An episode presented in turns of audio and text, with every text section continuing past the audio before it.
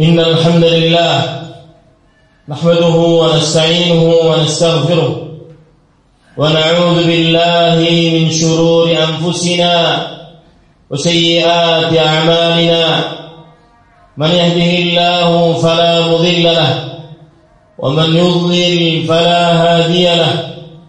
وأشهد أن لا إله إلا الله وحده لا شريك له. وأشهد أن محمدا عبده ورسوله.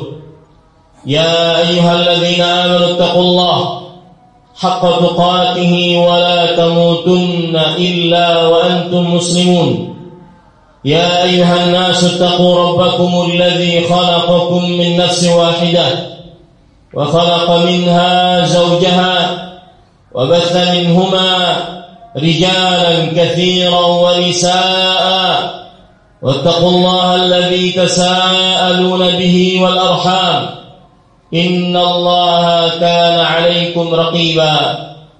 يا أيها الذين آمنوا اتقوا الله وقولوا قولا سديدا يصلح لكم أعمالكم ويغفر لكم ذنوبكم ومن يطع الله ورسوله فقد فاز فوزا عظيما.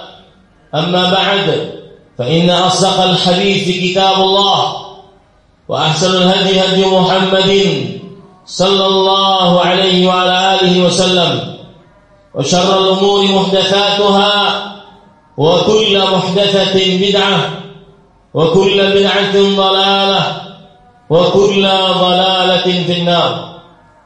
اللهم صل على محمد وعلى آل محمد كما صليت على إبراهيم وعلى آل إبراهيم إنك حميد مجيد.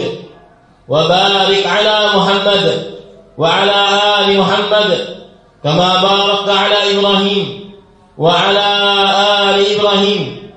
إنك حميد مجيد. أيها المسلمون أوصيكم ونفسي بتقوى الله. فقد فاز المتقون.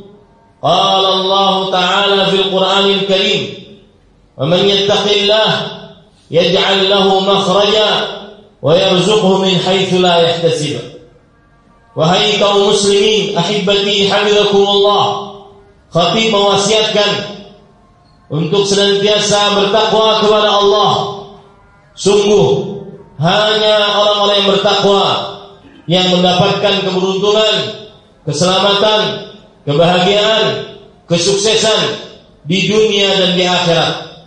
Allah Subhanahu wa taala berfirman yang artinya dan barang siapa yang bertakwa kepada Allah niscaya Allah Subhanahu wa taala langsung memberikan untuknya jalan keluar dan niscaya Allah Subhanahu Subhanahu wa taala langsung memberikan rezeki kepadanya dari arah yang dia tidak sangka-sangka.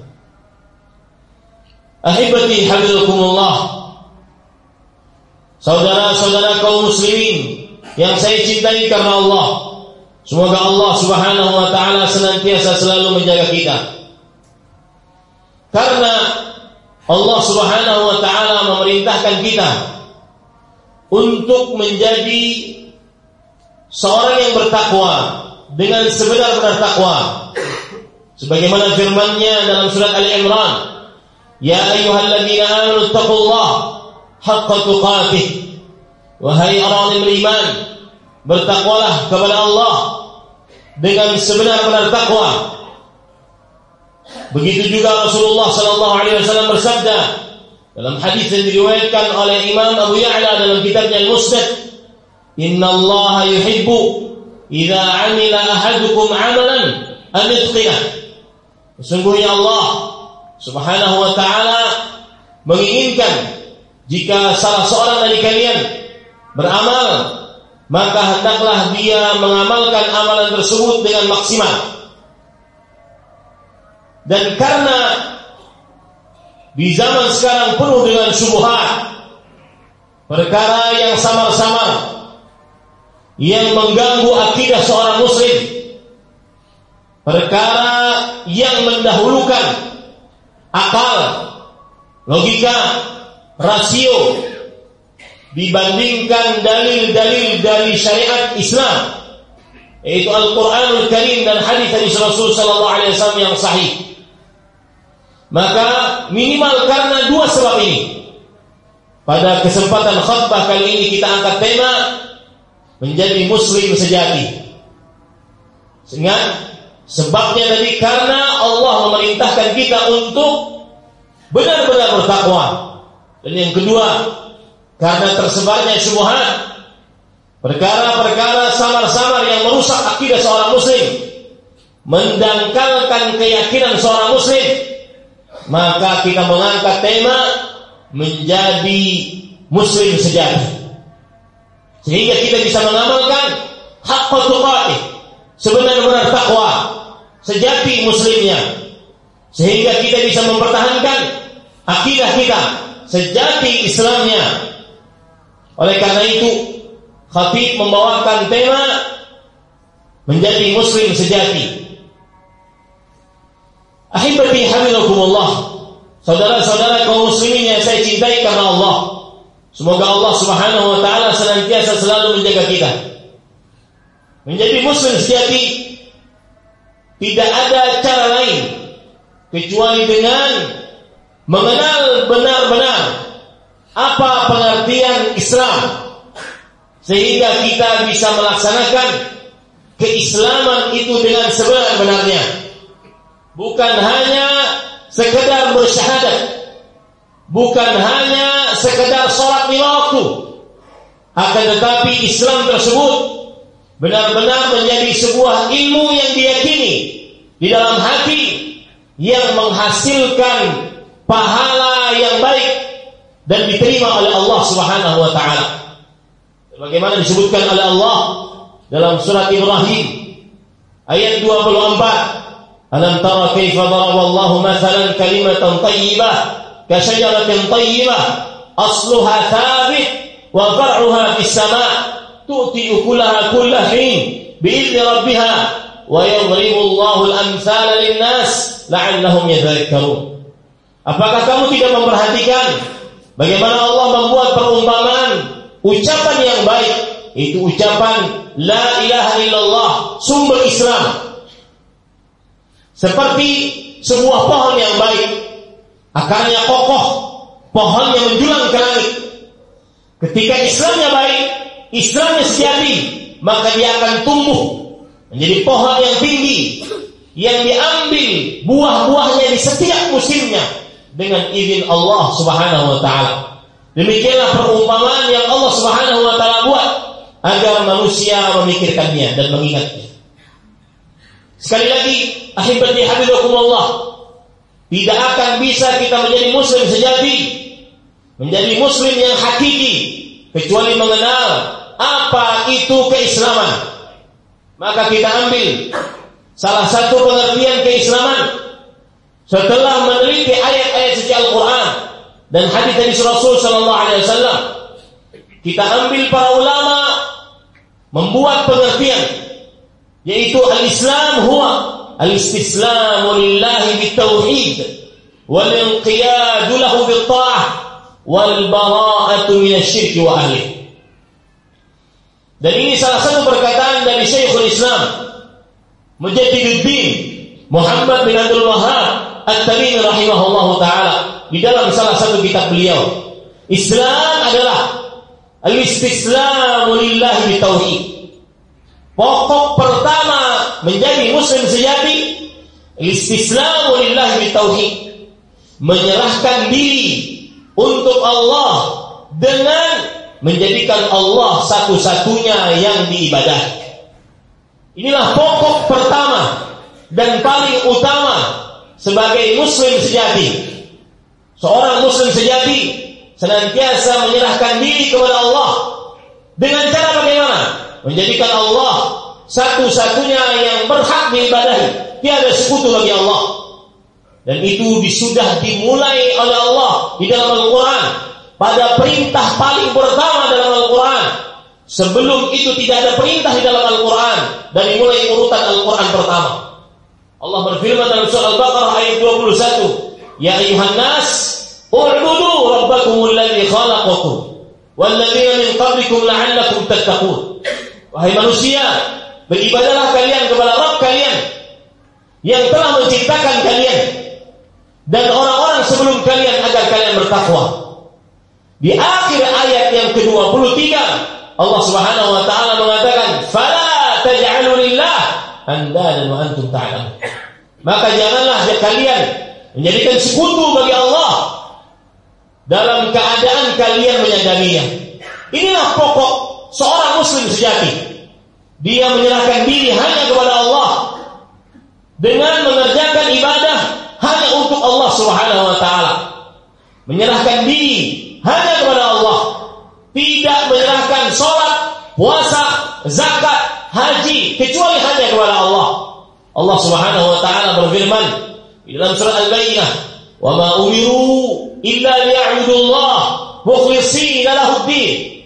Dan tidaklah manusia diperintahkan kecuali untuk beribadah kepada Allah dengan ikhlas menegakkan agama hanya untuk Allah Subhanahu wa taala.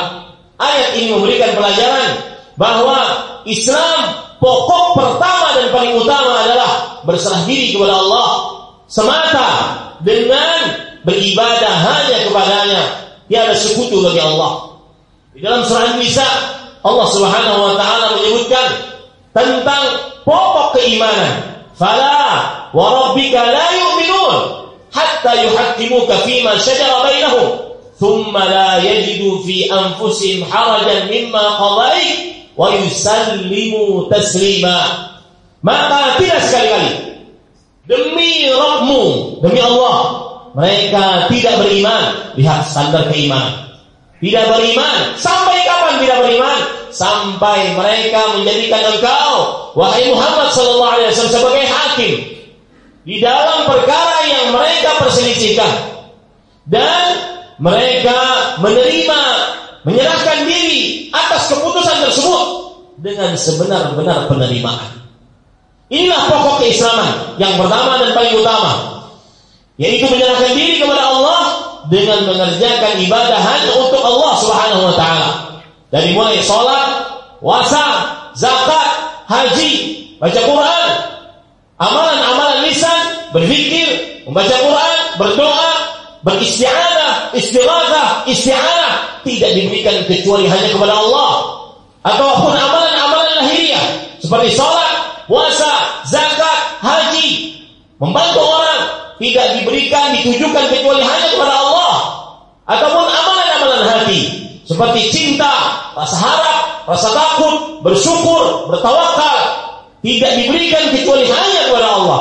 Inilah pokok menjadi muslim sejati. Pokok yang kedua yaitu al-inqiyadu lahu Tunduk patuh dengan mengerjakan ketaatan kepada Allah Subhanahu wa taala. Seorang muslim sejati dia ahli taat, ahli ibadah, ahli ketaatan, ahli amal saleh. Allah Subhanahu wa taala berfirman di dalam Al-Qur'an surah Az-Zariyat ayat 56, "Wa ma khalaqtul jinna wal insa illa liya'budun." Tidaklah kuciptakan jin dan manusia kecuali untuk beribadah. Ahli ibadah. Orang-orang yang Islam ahli ibadah. Ingin menjadi seorang muslim sejati ibadah, tetapi ingat bukan hanya ibadah. Di situ disebutkan al-inqiyad lahu bitta'ah. Inqiyad ibadah dengan sesuai petunjuk Rasul sallallahu alaihi wasallam. Maka menjadi muslim sejati pokok keduanya adalah beribadah yang sesuai dengan petunjuk Rasul sallallahu alaihi wasallam. Rasulullah sallallahu alaihi wasallam bersabda, "Kullu ummati yadkhuluna jannah illa man aba."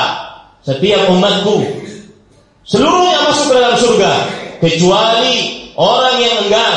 Para sahabat radhiyallahu anhum bertanya, "Wa man ya'ba ya Rasulullah?" Siapa mereka yang enggan wahai Rasulullah sallallahu alaihi wasallam? Maka kata Rasul sallallahu alaihi wasallam, "Man ata'ani dakhala jannah, wa man 'asani faqad aba." Siapa yang taat kepadaku, dia masuk ke dalam surga. Siapa yang enggan tidak mau mengerjakan ketaatan, bermaksiat kepadaku, maka dialah orang yang enggan masuk ke dalam surga ya Allah Subhanahu wa taala. Maka pokok kedua menjadi muslim sejati senantiasa tunduk patuh taat kepada Allah sesuai dengan petunjuk dari Allah. Ketaatannya sesuai dengan petunjuk dari Allah. Apabila mengerjakan ketaatan sesuai dengan tidak sesuai dengan petunjuk dari Allah, maka niscaya tidak akan diterima. Rasulullah sallallahu alaihi wasallam bersabda dalam hadis riwayat Imam Muslim, "Man 'amila 'amalan laisa 'alaihi amruna fahuwa rad." Dalam riwayat yang lain, "Man sana'a amran laisa 'alaihi amruna fahuwa rad." Barang siapa yang beramal yang tidak ada contohnya dari kami maka amalannya tertolak. Barang siapa yang membuat amalan yang tidak ada contohnya dari kami maka amalannya tertolak. Dan itu bisa dipastikan tidak ada boleh keraguan di dalamnya. Yang taat tapi tidak ilkiyah, tidak sesuai dengan petunjuk Rasul, tidak akan diterima oleh Allah Subhanahu wa taala. Yang ketiga, dan ini sangat sangat penting, terutama syubhat yang sudah tersebar di tengah masyarakat. Tidak boleh menyebutkan kata kafir. Tidak boleh menyebutkan kata kafir terhadap orang yang tidak beragama Islam. Karena semua adalah makhluk Allah. Kita adalah bineka tunggal ika.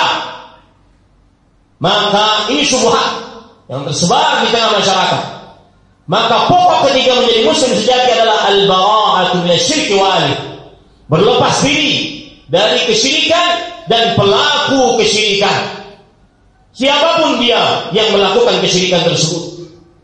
Dan cara berlepas diri dari kesyirikan dan pelakunya dicontohkan oleh Imamul Hunafa, oleh Abul Anbiya, pemimpinnya orang-orang yang bertauhid, bapaknya para nabi, Al-Khalil Ibrahim alaihi salam. Beliau mengatakan di dalam surah Al-Mumtahinah ayat 4, Allah Subhanahu wa taala berfirman, "Qad kanat lakum uswatun hasanah fi Ibrahim walladzina ma'ah إذ قالوا لقومهم إنا براء منكم ومما تعبدون كفرنا بكم وبدا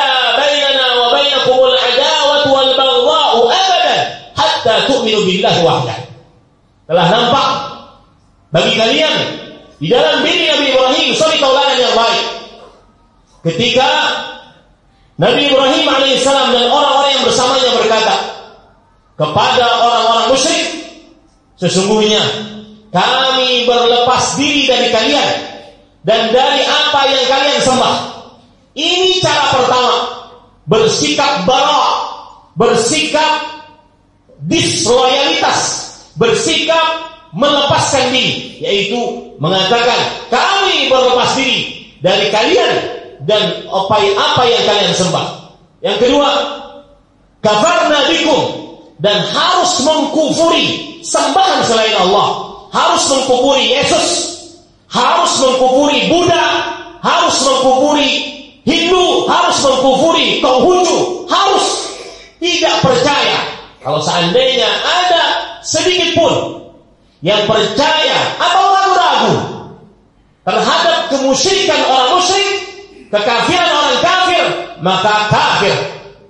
Sebagaimana perkataan Al-Qadhi Iyad rahimahullah ulama Islam abad kelima Hijriah di dalam kitab beliau Asy-Syifa wa lihadza nukaffir man i'taqada bi ghairi aqidatil muslimin oleh sebab itulah kami mengkafirkan siapa saja yang berkeyakinan selain keyakinannya ahlul Islam au waqafa fihi atau ragu-ragu terhadap mereka atau diam terhadap keyakinan mereka. Ah, saya nggak mau ngomongin, nanti saya salah. Au syakka fi atau ragu-ragu terhadap kekufuran mereka. Kabar. Wa meskipun dia memperlihatkan keislamannya, maka sungguh dia telah kafir. Ini keyakinan seorang muslim yang tidak ada diskusi di dalamnya. La di dalamnya. Tidak ada diskusi di dalamnya bahwa seorang muslim sejati wajib mengkufuri sembahan selain Allah Subhanahu wa taala. Dan yang dilakukan oleh Imam Hunafa. Kemudian tinggal tersebar syubhat, kita bantah dengan ayat ini. Kemudian yang ketiga cara berlepas diri, kafarna bikum wa bada bainana wa bainakumul adawatu wal baghdha'u abada. Dan nampak permusuhan, persengketaan, antara kita orang muslim dengan orang kafir selamanya sampai mereka beriman kepada Allah semata. Begini cara Imam Hunafa Ibrahim Al-Khalil alaihissalam ketika beliau menjadi seorang muslim sejati berlepas diri dari segala macam kesyirikan dan pelaku kesyirikan. Adapun semua yang di negeri ini Bineka tiga tunggal ika tidak bertentangan dengan hal ini. Karena kita meyakini bahwasanya kita wajib mengkafiri orang kafir, wajib berlepas diri dari orang kafir dan kekafirannya, wajib membenci kekufuran dan orang kafir, tetapi kita meyakini tidak boleh semena-mena berbuat kepada selain orang Islam. Tetangga kita yang selain muslim tidak boleh kita berbuat semena-mena. Jadi jangan ajari kami tentang bagaimana toleransi. Akan tetapi jangan sampai sebarkan syubhat di tengah-tengah akidah muslim sehingga mendangkalkan akidah seorang muslim. Jangan sampai kita gagalkan surat Al-Kafirun. Qul ya ayyuhal kafirun la a'budu ma ta'budun. Sampai akhir ayat Allah mengatakan lakum dinukum waliyadi. Bagi kalian agama kalian dan bagi kami agama kami. Ini adalah toleransi, toleransi yang paling tertinggi yang pernah diajarkan di dalam agama Islam. Aku ma tasma'un wa astaghfirullah li wa lakum min kulli dhanbin fastaghfiruh innahu huwal ghafurur rahim. Alhamdulillah ala ihsanih lahu ala tawfiqihi wa imtinanih. أشهد أن لا إله إلا الله وحده لا شريك له تعظيما لشأنه وأشهد أن محمدا عبده ورسوله الداعي إلى رضوانه صلى الله عليه وعلى آله وصحبه وخلانه اللهم صل وسلم وبارك وأنعم على عبدك ورسولك نبينا محمد وعلى آله وصحبه أجمعين إن الله وملائكته يصلون على النبي. يا أيها الذين آمنوا صلوا عليه وسلموا تسليما. اللهم صل على محمد وعلى آل محمد كما صليت على إبراهيم وعلى آل إبراهيم إنك حميد مجيد. وبارك على محمد وعلى آل محمد كما باركت على إبراهيم وعلى آل إبراهيم إنك حميد مجيد. وارض اللهم عن الخلفاء الراشدين أبي بكر وعمر وعثمان وعلي وعن الصحابة ومن تبعهم بإحسان إلى يوم الدين. اللهم اغفر للمسلمين والمسلمات والمؤمنين والمؤمنات الأحياء منهم والأموات. اللهم أعز الإسلام والمسلمين وأهلك الكفرة والمشركين. أعداءك أعداء الدين. اللهم شتت شملهم ومزق جمعهم وألق في قلوبهم الرعب إنك على كل شيء قدير. ربنا اغفر لنا ولإخواننا الذين سبقونا بالإيمان. ولا تجعل في قلوبنا غلا للذين آمنوا. ربنا إنك رؤوف رحيم. ربنا اغفر لنا ولوالدينا وللمؤمنين يوم يقوم الحساب. ربنا هب لنا من أزواجنا وذرياتنا قرة أعين واجعلنا للمتقين إماما. ربنا لا تزغ قلوبنا بعد إذ هديتنا وهب لنا من لدنك رحمة إنك أنت الوهاب. اللهم اللهم اللهم وفق ولي أمرنا لما تحب وترضاه ومن العمل بكتابك واتباع سنتك. يا الله berikanlah petunjuk kemudahan kepada pemimpin-pemimpin negeri ini. Untuk senantiasa mengerjakan Al-Quran dan mengikuti sunnah-sunnah Rasulullah Sallallahu Alaihi Wasallam. Allahumma wali alaina khiyarana wa la tuwalli alaina syirarana birahmatika ya arhamar rahimin. Ya Allah, berikanlah kami pemimpin yang paling saleh di antara kami. Dan jauhkanlah kami pemimpin yang paling terburuk di antara kami. Dengan rahmatmu birahmatika ya arhamar rahimin. Ibadallah innallaha ya'muru bil adli wa ihsan وإيتاء ذي القربى وينهى عن الفحشاء والمنكر ولذكر الله أكبر. والله يعلم ما تصنعون.